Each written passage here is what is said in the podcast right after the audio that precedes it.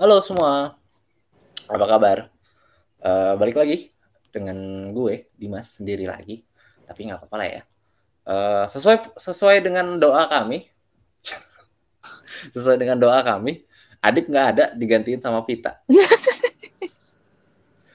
ya, jadi ya, doa-doa kita bersama ya sebenarnya Dimas. Uh, Vita menggusur Adit. Ya, ya akhirnya. Tapi ya, tunggu banget sih. Ya, Adit sekarang lagi mempersiapkan hari bahagianya lah. Oh.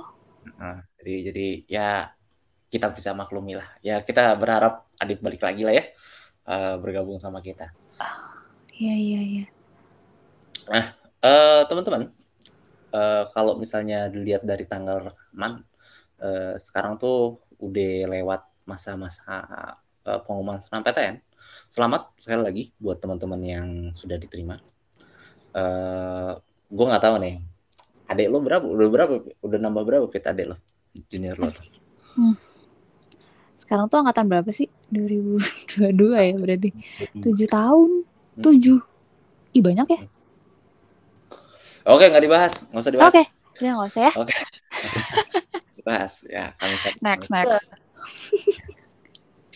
Nah, uh, biasanya setelah apa ya? Setelah perjuangan selama setahun lebih ya dan pusing dengan segala prosesnya tuh ya akhirnya calon maba tuh resmi jadi mahasiswa. Ya calon mahasiswa lah disebutnya biasanya tuh habis kegiatan pengenalan kampus kalau misalnya di UI itu namanya uh, apa ya namanya apa sih Pit? Oh, oh kakak apa sih? Oh kakak kakak. Hmm. Oh PSF Mabim. Oh, eh itu belum ya?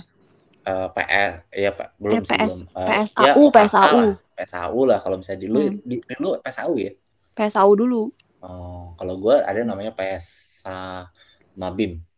Ya. Gue juga PSA Mabim. Itu bukannya kayak PS PSAU terus PSAF terus PS apa tuh oh, yang iya. jurusan FF fakultas. fakultas. Ya biasanya biasanya pokoknya ada orientasi kampus, orientasi uh, fakultas, kemudian ada orientasi jurusan. Ya itu itu apa ya? Hmm, kalau masalah nama mungkin namanya bisa beda-beda lah kayak gitu. Nah biasanya habis apa ya? Habis Eh, kegiatan-kegiatan pengenalan kampus gitu, itu biasanya akan ada timbul uh, satu kampanye lagi, yaitu di mana organisasi-organisasi kampus itu ngajakin mahasiswa baru untuk masuk organisasi atau kegiatan mereka. Nah, organisasi-organisasi sesi ini pastinya saling menunjukkan kelebihannya ya. Nggak mungkin ada yang, dek masuk masuk yuk ke kami, nanti IP kamu dua, ada pasti itu ya kan? Ya kan? Dan mereka hmm. pasti ngomong bahwa mereka worth it. Jualannya itu biasanya soft skill nggak sih? Betul betul. Ya kan? Jualannya soft skill. Mendapatkan hal yang tidak ada didapatkan selama belajar kuliah gitu. Asik banget ya Allah. Bisa bisanya gue ketipu dulu pak ngomong kayak gitu.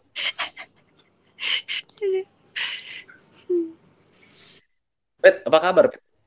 Baik, baik. Alhamdulillah. Lo gimana Dim kabarnya? Alhamdulillah, gue sehat. Sehat, alhamdulillah. Gimana puasanya? Gak usah ditanyain lah ya. ini pertanyaannya puasa atau enggak ya sebenarnya? Ini ini udah puasa ya? Setengah ya setengah kita mulainya malam kan karena nunggu terawih dulu. Oh iya benar. Iya masya Allah ya. Terawih dulu ya kan ya bulan suci ya. Bulan suci Ramadan. Kan baik sebaik-baiknya. Mm -hmm. Eh, keren banget omongan lo, Dem, Dem. Iya. nah, kali ini uh, jadi maba uh, akan ngomongin tentang uh, bagaimana sebenarnya tips-tips uh, atau saran-saran dari kami berdua uh, terkait dengan uh, memilih kegiatan di luar kuliah, gitu ya, di luar kelas. Biar kehidupan lo tuh nggak cuman uh, berwarna, tapi juga ya bisa lah lo, lo pasang di CV lo, ya nggak sih? Hmm. Ya bumbu-bumbu bisa lah. Ya, bumbu-bumbu lah. Bumbu-bumbu. Ya kan uh, bumbu-bumbu kayak kan kalau misalnya influencer-influencer CV, gue sih bilang influencer-influencer CV ya. Uh, itu kan sering ke uh, kayak kalian harus ikut organisasi kampus agar CV kalian kelihatannya bagus di Eh, iya lagi, bener-bener ada sih. Betul, betul. Ya kalau gue sih, gue sih kayaknya nggak kalau ngaruh ngaruh sih. Ngaruh di di apa ya? Ngaruh di bagaimana gue berkomunikasi dengan orang ngaruh. Tapi apakah itu di CV apa enggak? Hmm, kalau di gue ya kalau di gue nggak ngaruh sih gitu. Tapi itu obrolan ntar lah nah yang gue mau tanyain pertama yang pengen gue bahas ya. Gue sih nggak mau nanyain sebenarnya karena karena kita ini gue anggap gue anggap host sebenarnya. Gue naik kedudukan ya. Iya. Kita telepon siapa nih? Iya. Nah, ayo kita telepon gimana kalau kita mengundang Adip aduh jangan. Nggak asik. Nggak asik dia anaknya. Itu keren roll yang viral kemarin siapa sih? Siapa? Uh, apa? Yang viral? Hmm. oh ini boleh nyebut nama nih di sini. Oh, lah ah jangan deh oh kan tahun tahun gue ini heboh oh iya jadit iya boleh ya tadi tuh bukan nyebut nama Nah, boleh lah. Iya, Bang. Boleh lah, udah lulus. Oh, udah. Udah, udah lulus. Ya. Tahun oh, iya udah. Oh iya, oke. Okay. Ya, uh, set 2020 kalau nggak salah ingat gue. Oh, bagus lah. Oke, gue gue ingetnya, gue nggak tahu lulusnya kapan, cuman pokoknya gue ketemu dia 2020 tuh dia lulus. Soalnya pas lagi gue kuliah apoteker tuh gue pernah ketemu dia di ini Indomaret MIPA. Ya, oh, eh, gitu. Babe. Iya, eh, si Babe. Aduh. Gue baru ingat kata-kata Babe barusan loh. Eh. Oh iya bener, iya, dia cuma babe. babe. Iya Babe. Sama siapa? Aduh, wakilnya nama panggilannya Babe. Aduh. Padahal satu padahal jurus satu jurusan eh satu fakultas sama gue. Siapa namanya? Aduh, lupa banget lagi. Gue lupa lagi. gue juga lupa lagi. Siapa? Ih, Eto, yo, Eto, Eto. Ah, iya Eto. Kak Eto, bener. Ayo, halo Kak Eto. nah, Eto. Uh-uh. Ya, semoga mereka sehat-sehat lah ya. Iya, amin, amin. Fit, daripada ngomongin jadit nih. Gue sih Enggak, gue lebih, lebih pengen uh, tanya sebenarnya adalah uh, coba deh uh, kita coba uh, lo ceritain uh, dulu lo organisasi apa? Selama kuliah, oke. Okay. Gue kan kuliah, eh kita nggak perlu nyebutin tahun lah ya. Udah lama banget. Kita 2015 men. Oke, okay, thank you. Ah. Sudah di highlight ya tahun saya. gue gue dari uh. dari semester eh, tingkat pertama, kedua sama ketiga gue ngambil BEM fakultas. Jadi gue join BEM fakultas farmasi 2016, 2017, 2018. Itu. Lu dulu jadi apa? 2016 gue ngambil jadi staff kastrat. Kalau 2017 gue jadi uh, wakil kepala biro media dan publikasi. Ya emang agak banting setir sih departemennya ya. Yang tahun ketiga gue jadi ketua BEM. Hmm. Gitu. Anjir, lo ketua BEM eh for your info ya, kalau biarpun biarpun mungkin BEM itu sering kali uh, tergambarkannya hanya sebagai tukang demo ya. Eh kan? Iya boleh deh, stigmanya kayak gitu. Eh, stigmanya stigma di luar seperti itu, tapi iya. sebenarnya iya kegiatan BEM itu lebih dari itu gitu. Lebih dari itu. Pita itu kalau jadi ketua BEM berarti dia membawahi sekitar 200 orang ya. Ada nggak sih? Nggak nyampe sih untungnya ya kalau di farmasi kan soalnya oh, iya. angkatan gue sedikit kan. Eh oh. angkatan gue maksudnya warga farmasi itu sedikit. Jadi anggotanya gue 100 termasuk gue. Kalau gue nyampe itu. 200? Nyampe. Ah, 200. Eh tapi kan Jadi, lo memang rame kan? Jadi jadi lo kalau lo ketua BEM tuh lo udah udah udah legit gitu loh kalau lu bisa mimpin satu perusahaan cuy satu pabrik oh iya bener lagi iya kan kayak satu iya. pabrik gitu iya bener-bener iya kayak satu UMKM gitu iya lagi betul betul. Ih, gue gak kebayang bener lagi. Iya iya iya. Iya, iya kalau gue sih karena harus tetap ramping kabinetnya ya dititipin sama maksudnya di ini sama koordinator mahasiswa gue gitu sama yang sebelumnya. Kayak jangan terlalu gemuk kabinetnya gitu. Maksudnya takutnya kan maksudnya gue juga uh, orang-orang farmasinya nggak banyak kan. Gue ada 900 berapa tuh? Dari S1 sampai S3 nggak nyampe 1000 orangnya. Jadi ini 100 tuh udah lumayan representatif lah hmm. dulu lo pertimbangannya apa sih dulu pertimbangan kenapa lo milih BEM gitu apa karena pertimbangan karena teman-teman lo ikut BEM rata-rata sih kalau ikut BEM atau gimana kalau motivasi gue ini gue akan menarik agak eh menarik agak mundur berarti ya agak-agak ke SMA ya. Eh buset jauh banget. Background story-nya itu sih kalau gue ya. Jadi dulu tuh gue memang sering ikut-ikutan kayak gitu. Dari SMP gue. Nah, SMP SMP gue osis. Nah pas SMA gue tuh pengen banget osis lagi tapi nggak boleh nih sama orang tua gue gara-gara jauh capek gitu kan. Nah terus gue lihat kakak-kakak gue dulu dia ikutan kakak gue ada dua dua-duanya ikutan bem psiko UI terus gue hmm. ngeliat kan kayak ih nggak gue SMA nggak boleh osis. Oke gue harus ikut bem di kuliah kayak gitu. Jadi gue ikutan deh. Dulu proses uh, sedikit aja sih. Proses hmm. dulu masuk bem itu gimana? Daftar gitu. Wawancara tes gimana? Waktu itu oprek, terus wawancara, udah sih gitu doang. Oh, wawancaranya kayak wawancara apa itu? Kayak wawancara kerja nggak? Uh, hmm, apa ya waktu itu? Bentar, gue mencari memori gue di tahun 2016 dulu nih. wawancara kerja, wawancaranya itu nggak sih? Lo ditanya itu nggak? Uh, kamu ngelihat diri kamu lima tahun lagi kayak apa? Gitu gak sih? Ih, enggak, ih kok gue gak gitu ya waktu itu. Gue, gue ditanyainnya gini. Ya enggak, uh, ya emang harusnya enggak. Oh, oke okay, ya. juga enggak.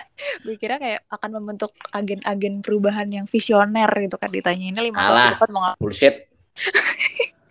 Agent of change, asik. Aduh, oh gue waktu itu ditanyainnya ini uh, tell me about yourself gitu disuruh pakai bahasa Inggris sedikit dong sih habis itu ditanya um, apalagi ya? Paling kayak ditanya milih uh, pengen milih departemen apa terus uh, kenapa milih bem gitu-gitu sih. Ya standar-standar gitulah. Oke. Okay. nah lo kan bilang bahwa uh, karena lo dulu uh, pengalaman organisasi ya di SMA hmm. kan tapi kan lo di SMA tuh nggak boleh nggak boleh osis karena karena hmm. capek. Kan sebenarnya uh, resiko dari ikut organisasi itu adalah lo harus pinter-pinter nih bagi waktu ya bagi waktu. Betul. Nah, kalau di farmasi sendiri uh, bagi waktunya gimana? Hmm, time management ya asik. Ini tuh satu topik yang sangat hits di masanya tau tentang time management. Kalau Oh iya. Benar banget. Iya. Ada ada teman-teman saya yang aktif sekali organisasi IP-nya ya kecil lah Nah, itu juga jadi stigma orang-orang juga tuh.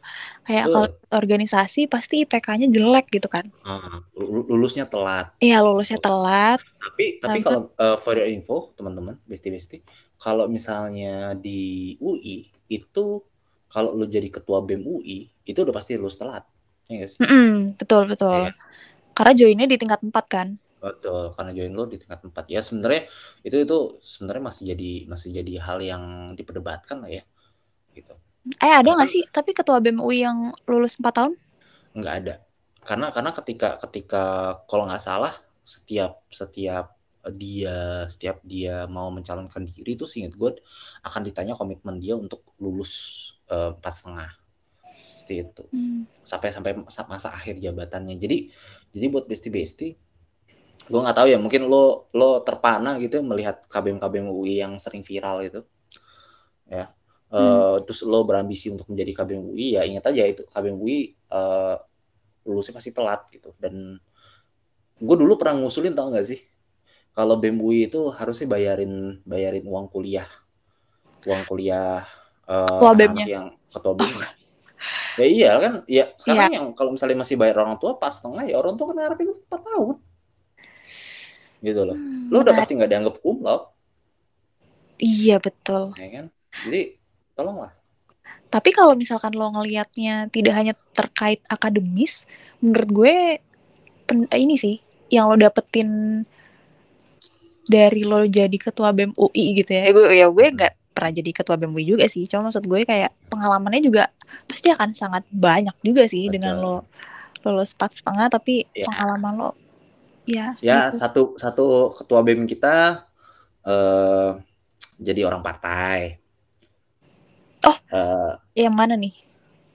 Ya cari sendirilah. cari sendirilah. Oke. Okay. Ya. Okay. Uh, satu okay. ketua BEM kita ada ada yang sekarang wali wakil wali kota. Uh, satu kabem lagi uh, jadi influencer centang biru Instagram, selebgram lah dia. Terus satu lagi jadi abang Jakarta. Ah iya betul. Ya sebenarnya sebenarnya kalau lo bisa empat setengah worth it sih. Cuman, worth it. Cuman ya uh, ma bapak lo ikhlas apa enggak aja gitu. Kalau gue sih lebih lebih mikirnya itu ya. Ya itu menurut gue balik lagi ke orangnya juga sih soalnya pasti banyak pertimbangan yang diambil juga gitu untuk mm-hmm. merelakan lebih dari empat tahun untuk lulus Betul. untuk ikut non akademis gitu. Mm-hmm. Hmm. Nah, ini bagi balik lagi nih ke yeah, yeah. Man- uh, manajemen waktu. Kalau di lo gimana? Kalau gue waktu itu pas um, mungkin dari dari tiga tiga level, tiga level, tiga tahun gue ikutan BEM, yang paling sibuk pasti yang tahun terakhir.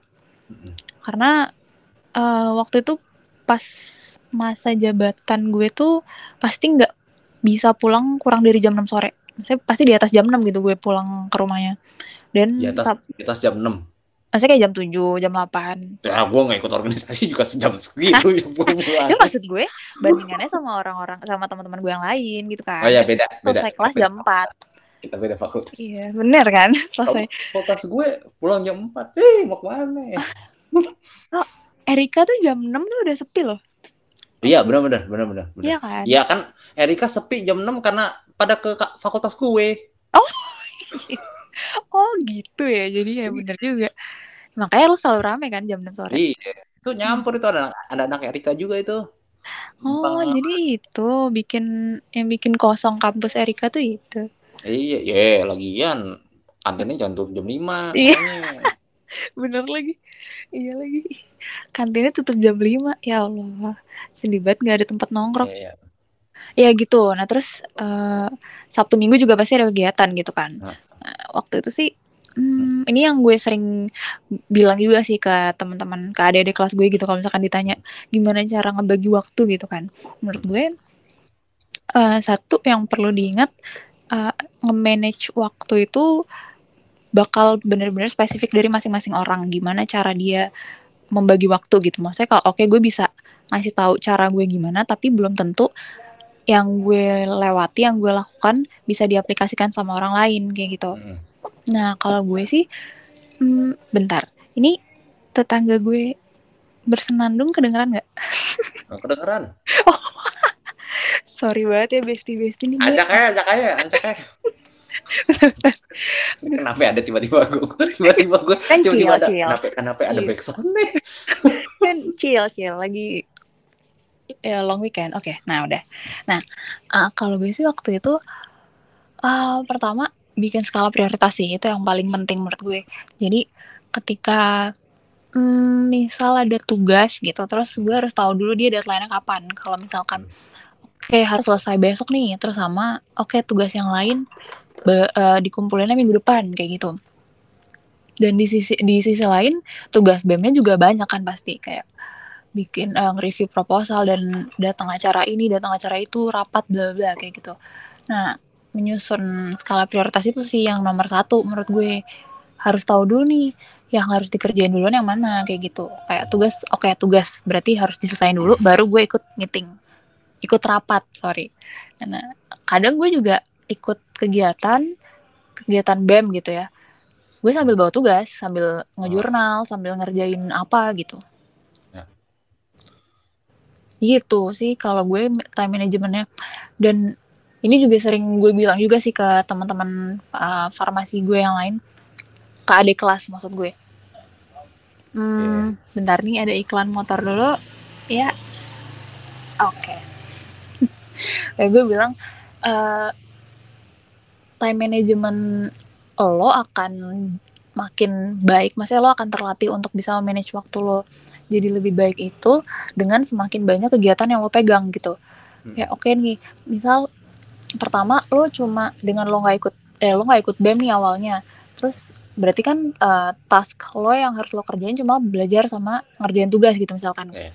Nggak cuma sih ya belajar sama ngerjain tugas, terus terus lo ngambil uh, bem nambah lagi nih satu. Oke terus lo jadi mikir oh ya gimana ya cara gue ngebagi waktunya? Oke gue harus uh, ngerjain ini terus gue harus ngerjain tugas bem terus lo hmm. belum lagi lo nambah ikut kepanitiaan gitu misalkan. Itu kan nambah lagi. Jadi menurut gue um, time management lo skill untuk me me mengatur waktu lo itu akan terasa dengan lo menambah dan memiliki banyak kegiatan gitu. Tapi dengan catatan lo harus bertanggung jawab juga.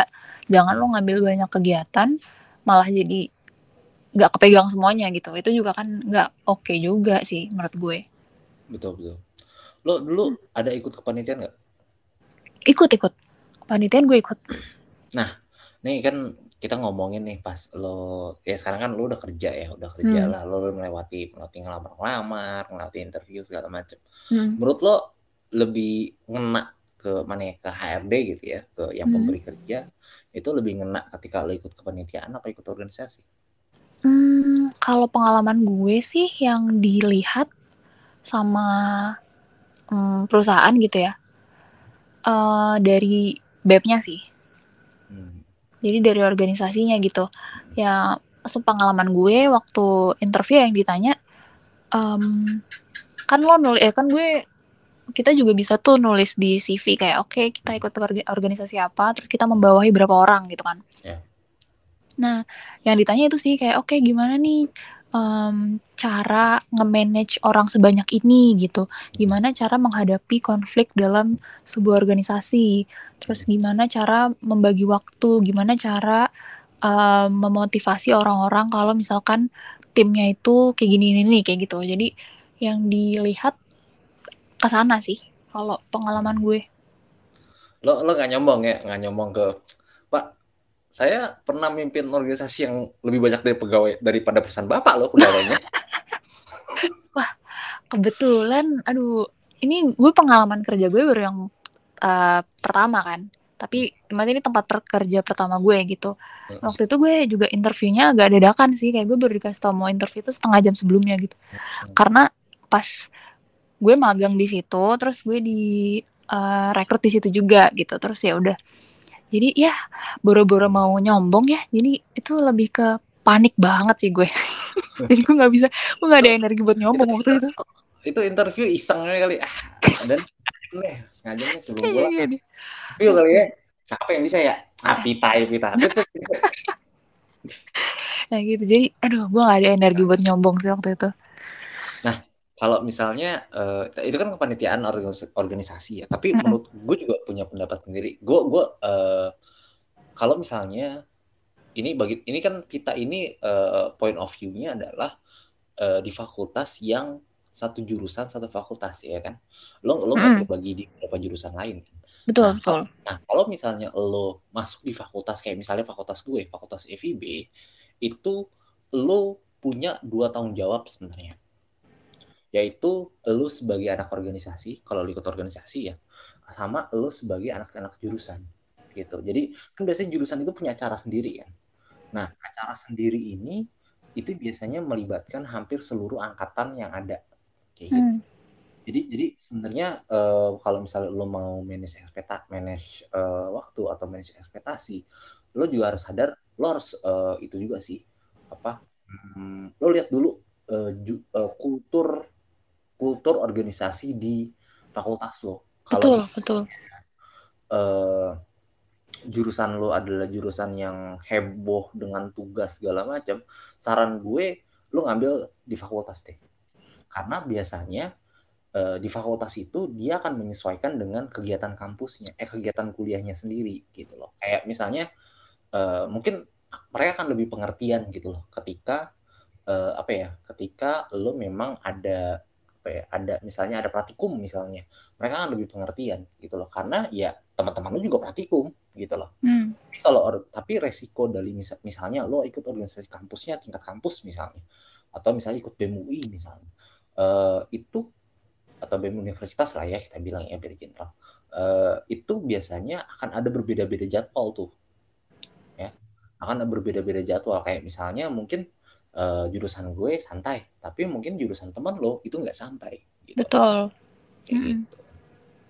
Ya jadi jadi kalau gue saran gue sih sebenarnya buat teman-teman ya buat teman-teman yang uh, apa sih yang ya pengen nanti pasti akan kalian akan akan terpesona dengan dengan apa dengan segala tipu daya eh salah tipu daya itu dengan segala promosi ya promosi dari kakak-kakak gitu ya itu kalian akan pasti akan akan tergoda gitu. Karena gue gue juga tergoda dulu gitu loh. Gue juga tergoda gitu. Uh, dan setelah setelah apa gue ikut kepanitiaan juga ikut organisasi juga gitu ya. Dan apa ya kayak ada beberapa yang gue sesalin jujur aja. Nggak semua gue anggap gue anggap uh, worth it gitu. Nggak semua gue anggap worth it. Kayak gitu sih. Ada beberapa yang anjing ngapain sih gue ikut ginian gitu Ah. Ya gue nggak akan sebut ya organisasi yang mana atau atau atau kegiatan yang mana ya. Hmm. gitu ya. Karena karena karena setahu gue orangnya denger. Wah, ini yang mana nih? Ya, ya yang bagian denger itu organisasi lo. Pasti ya. yang itu ya. Ya, kayak gitu. Jadi jadi uh, lo harus lihat juga sih kultur kegiatan kuliah lo gitu. Menurut gue ya, menurut gue lo harus ikut harus lihat itu dulu kalau dari lu gimana, Pit? Saran lo apa? Buat teman-teman yang buat besti-besti yang mungkin sekarang dalam proses ditipu ah salah di uh, dipromosikan atau di... sedang mendapatkan eh, promosi-promosi organisasi. Kalau iya gue setuju sih tadi uh, harus kenal dulu nih uh, kultur kuliahnya di fakultas lo apa. Nah terus menurut gue selain itu juga perlu di lihat lagi uh, kita sendiri tuh pengennya tuh apa gitu. Kayak lo harus lo harus kenalin diri lo sendiri dulu lo pengennya apa? Apakah eh, nilai apa yang akan lo akan pengen lo dapetin gitu. Karena menurut gue kayak oke okay, sekarang antara BEM fakultas sama BEM universitas. Itu tadi benar uh, benar tuh tadi penjelasan lo kan akan beda-beda akan lebih heterogen kayak gitu nah tapi masing-masing juga akan ada poin positif dan negatifnya juga gitu. Kalau misalkan kita ikut BEM universitas, mungkin memang um, kayak jurusan lo sama jurusan gue pasti tugas-tugasnya beda gitu kan. Hmm. Nah, mungkin akan jadi lebih uh, capek dan um, biasanya kan tuh meeting meeting loh, rapatnya malam tuh kan, malam hmm. sampai pagi gitu. Nah, tapi menurut gue dengan ikut BEM universitas, lo bisa bisa apa ya? Uh, pemikiran lo, daya pikir lo tuh akan lebih luas gitu. Dan hmm. lo bisa berpikir nggak uh, cuma teman-teman lo satu, maksudnya kalau sama sesama satu um, fakultas kan ya ya udah akan homogen gitu kan. Nah, tapi kalau lo ketemu sama uh, sama fakultas lain, sama teman-teman yang lain, itu akan uh, menambah ini juga ragam pikir lo juga gitu. Nah, kalau tapi kalau misalkan lo milih tapi lo nggak apa-apa kalau misalkan lo mau milih BEM fakultas kayak gue gitu misalkan gue tiga tahun gue uh, milihnya BEM fakultas doang gitu kalau dari gue sendiri sih kenapa gue milih uh, mainnya di fakultas karena gue inget banget waktu gue maba tuh gue di uh, sharing ada sesi sharing sama cutting gue gitu kan. Terus dia bilang ke gue kayak uh, iya orang-orang tuh banyak yang ke BEM universitas gitu. Tapi balik lagi kalau misalkan semuanya pindah ke semuanya milih ke universitas yang ngurusin fakultas siapa kalau bukan kita gitu kan. Nah itu gue tersentuhnya di situ ya, tuh. Kalau kita yuk lu aja. Nah gue tersentuhnya di situ tuh. Kayak oh iya ya uh, kayak kalau misalkan semuanya ke pilih ke universitas gitu ya yang di yang stay di fakultas siapa gitu. Nah ya, jadi lo terperdayanya di situ ya? Ya gue ya betul. Gue ter oh iya deh bener juga gitu jadi jadi gue milihnya ke BEM fakultas. Selain itu juga kalau gue pertimbangannya karena karena fakultas itu cenderung mirip-mirip jadwal kuliahnya jadi gue lebih tahu ya oke nih uh, fakultas eh farmasi kuliahnya paling paling malam jam 6 jam 7 lah selesainya gitu kan. Jadi rapatnya nggak mungkin sampai pagi gitu. Yeah. nah gue jadi milihnya itu. Jadi perlu di uh, lihat juga itu tadi kultur kuliah lo terus lo pengennya apa dan nilai apa yang yang pengen lo dapetin kayak gitu. Terus juga menurut gue apalagi ya yang milih antara organisasi-organisasi. Oh tapi kan ada juga ya uh, dim yang kayak organisasi keagamaan gitu-gitu kan juga bisa tuh. Hmm, bisa, bisa. Nah, itu juga um, menurut gue itu juga bisa jadi salah satu tempat eksplorasi diri lo juga sih. Ya, diri ya, lo tuh maksudnya diri lo bestie ini gitu. ya, kalau misalnya itu kan sebenarnya kita ngobrolinnya kan sebenarnya buat teman-teman yang baru jadi maba ya. Sebenarnya hmm. menurut gue sih uh, kalau lo sebagai maba ya lo ikut organisasi mana pun mau itu fakultas mau itu organisasi uh, misal UKM ya uh, unit kegiatan kegiatan mahasiswa oh iya UKM betul yang sifatnya uh, rinci gitu ya sifatnya hmm. sifatnya khusus gitu ya kayak misalnya bu kalau BEM kan banyak ya uh, yang uh, apa cakupannya itu luas gitu kalau misalnya yang lain-lain sih sebenarnya spesifik ya. lebih spesifik ya. Hmm. Nah itu uh, itu sebenarnya menurut gue sih pengalamannya sama gitu. Pengalamannya sama. Jadi jadi buat teman-teman ya kalau misalnya mau ikut UKM ya ikut UKM aja gitu. Kayak gitu sebenarnya sama hmm. sih. Mungkin yang bisa beda ya. Be mungkin beda ya kalau lo udah jadi uh, misalnya pengurus harian atau jadi ketua mungkin beda di situ. Tapi tapi gue rasa kalau misalnya pengalaman lo sebagai maba sama sih. Kalau sebagai maba, iya berarti kan kalau maba tuh akan masuknya sebagai staff kan ya? Iya. Hmm, mungkin secara secara konsepnya sih akan sama di semua organisasi ya. Lo mau milih universitas, fakultas, mau milih uh, eh, UKM tadi gitu atau apalagi sih? Udah kan ya itu dong ya? Nah, ya, itu UKM, itu akan sama UKM, sih secara konsep. UKM, ya, UKM ada UKM fakultas, ada UKM universitas juga. Ya betul betul. Ih, gila ya itu tujuh tahun yang lalu ya itu semua terjadi aku udah lupa udah agak mm, hilang dari ingatan ya, sedikit tahun gitu. kan itu ya kenapa kalau gue, ya tujuh tahun kan lu ya kalau gue oh. sih baru gue oh baru ya baru kemarin kan baru lagi kuliah dong kemarin sidang zoom oh. iya gitu sih menurut gue jadi harus tahu dulu nih kita sukanya apa kayak gitu sih. Eh, tadi kan lo gue penasaran sebenarnya ini nggak masuk sih uh, dalam bahasan tapi coba kita bahas dikit. Lo kan magang ya? Magang lo kapan? Magang kuliah. Jadi kan kalau Enggak, enggak. Maksudnya tahun berapa? Tahun ke tahun berapa? 2000 Bentar, gue udah lupa lagi 2020 berarti. Pas gue profesi, pas gue lagi kuliah apoteker. Profesi, pas lo apotek. Mm oke oke gue pikir ah, berarti beda lagi nih mungkin berarti ntar episode episode berarti ntar gue harus ngundang orang beda lagi buat ngomongin magang ya kalau magang, magangnya magang wajib iya karena magang lo magang wajib gitu mm -hmm. Soalnya kan sekarang ada magang merdeka ya itu mungkin akan beda lagi tapi ya besti besti ntar tungguin aja lah ya uh, eh, gue juga lagi ngusahain kok buat ngundang ya orang dari salah satu yang yang ngurusin program magang lah nanti nanti Gokil. Iya. Oke.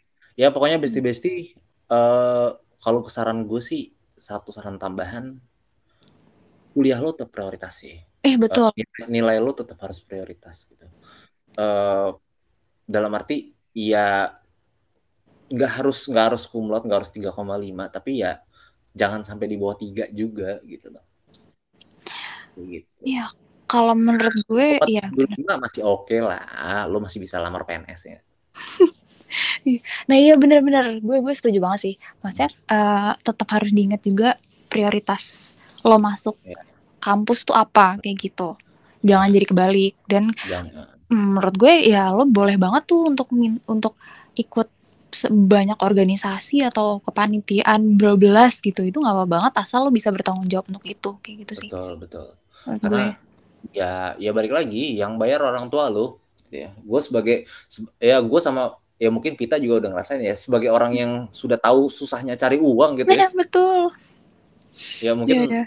yeah. kalau gue sih kayaknya gue agak gak ikhlas juga gitu. Kalau gue misalnya punya anak gitu terus anak gue nilai jeblok karena organisasi siapa ketua BEMU panggil iya, itu itu itu itu salah satu termasuk ke time management itu juga sih. Iya kayak gitu. Jadi ya buat teman-teman buat teman-teman uh, kesempatan untuk organisasi mempertajam uh, mempertajam skill mencari jodoh ya kalau kalau kalau kalau uh, interview gue sama Winnie uh, organisasi dan kepanitiaan adalah salah satu sarana untuk mencari jodoh.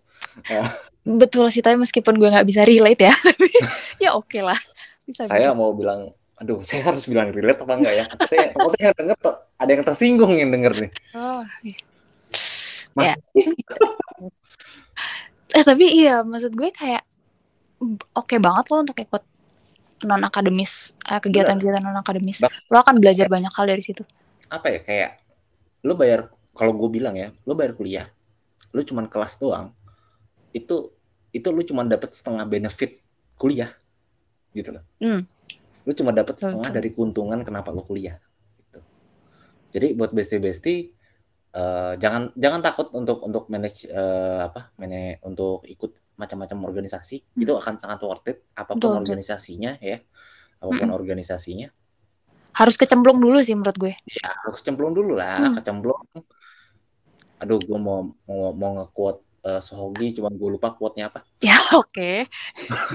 Quote Kayak yang itulah ya. ya yang itulah cari sendiri lah nah, kayak gitu ya buat bestie bestie pokoknya organisasi itu eh, bukan organisasi mungkin ya eh, beraktivitas untuk Non akademis lah. Mm. yang mencari apa yang lo nggak dapet di kelas tuh itu boleh banget itu itu sangat sangat dianjurkan sangat dianjurkan tapi ya balik lagi semua ada resikonya dan resiko tuh nggak bisa ditolak lo harus harus apa ya harus lo embrace lah gitu resiko itu Betul. Risiko harus risiko cuma bisa di manage sih menurut gue. Jadi Iya, harus ada risk assessment-nya dulu. Asik. betul di assessment ih ketahuan banget ya udah kerjanya ya udah dulu nggak tahu tuh gue istilah itu ya.